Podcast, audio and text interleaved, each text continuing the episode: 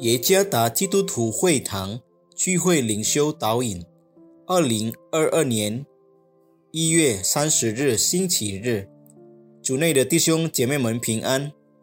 今天的灵修导引，我们要借着圣经创世纪十七章一到十节来思想今天的主题，成为祝福，他的圣约使命。作者蔡国闪。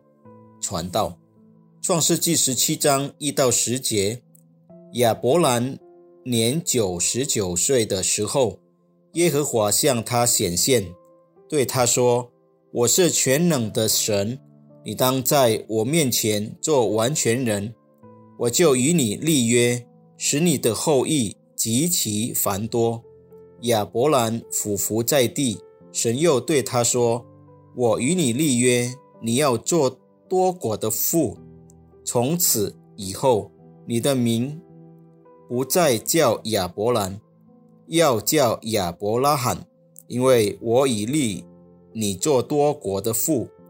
我必使你的后裔极其繁多，国度从你而立，君王从你而出。我要与你并你世世代代的后裔建立我的约，做永远的约。是要做你和你后裔的神。我要将你现在寄居的地，就是迦南全地，赐给你和你的后裔永远为业。我也必做他们的神。神又对亚伯拉罕说：“你和你的后裔必世世代代遵守我的约。你们所有的男子都要受割礼。这就是我与你并你的后裔所立的约。”是你们所当遵守的任务越有价值，完成它的努力就越大。像这样的明智的话，我们应该很熟悉。一项我们认为如此重要的任务，再多的挑战也无法阻止它，因为对任务价值的鉴赏，会极大的影响执行任务的忠诚度。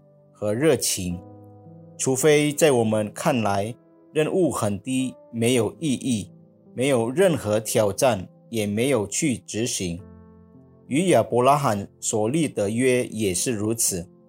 在克里斯托弗·赖特的题为《上帝子民的使命》一书中说：“亚伯拉罕之约的荣耀福音，好消息，是上帝的使命。”最终要祝福万国。亚伯拉罕的后裔不断面临的挑战是：通过你和你的后代执行这项使命的计划。因此，他的后裔必须相信并服从这项使命。在今天的默想中，上帝再次提醒向亚伯兰所立的约，在前。一张亚伯兰与他的后代斗争，撒来为他娶了一名叫夏甲的女人为妻，并生下了以实玛利。但这不是照着神的应许，神只会使用亚伯兰和撒来的后裔。随着亚伯兰和撒来渐渐变老，他们很难理解这个看似不可能的应许。然而，上帝有一个永恒的计划，永恒的使命。神会使用亚伯兰。上帝在本章开始说，他是全能的上帝。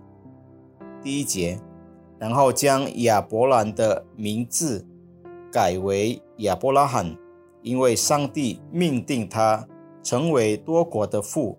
第五节，然后神用一个永恒的约。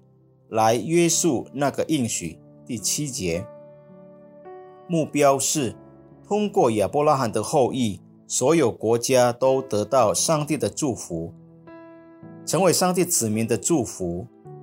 上帝命令亚伯拉罕的所有后裔都必须继续遵守那个约。第九到十节，上帝是万国为宝贵，而这个任务。对于亚伯拉罕的后裔来说，应该是一项宝贵的任务，亚伯拉罕的后裔必须遵守圣约，才能成为祝福，直到任务完全完成。在后来的历史中，以色列人亚伯拉罕的后裔，他们失败了。他们认为没有价值，并且不忠于盟约。但是上帝对所有国家的爱永远不会改变。上帝透过耶稣基督的死，与真正的以色列人立下了永恒的约。亚伯拉罕的祝福是被那些相信耶稣基督的人所接受的。这项宝贵的任务永远不会停止。上帝不只是希望他的子民享受他的祝福。上帝希望他的子民成为祝福，并祝福所有的国家。现在，这成为我们所有人的挑战。作为他的子民，我们愿意看到价值，并遵守圣约吗？我们想成为他的工具，来完成他永恒的计划吗？还是像失败的以色列人一样，或者像基督？真正的以色列人，通过牺牲他的生命来完成天赋在世界上的工作。放弃挑战，并不是完成上帝永恒圣约使命的人的标志。愿上帝赐福弟兄、弟兄姐妹们。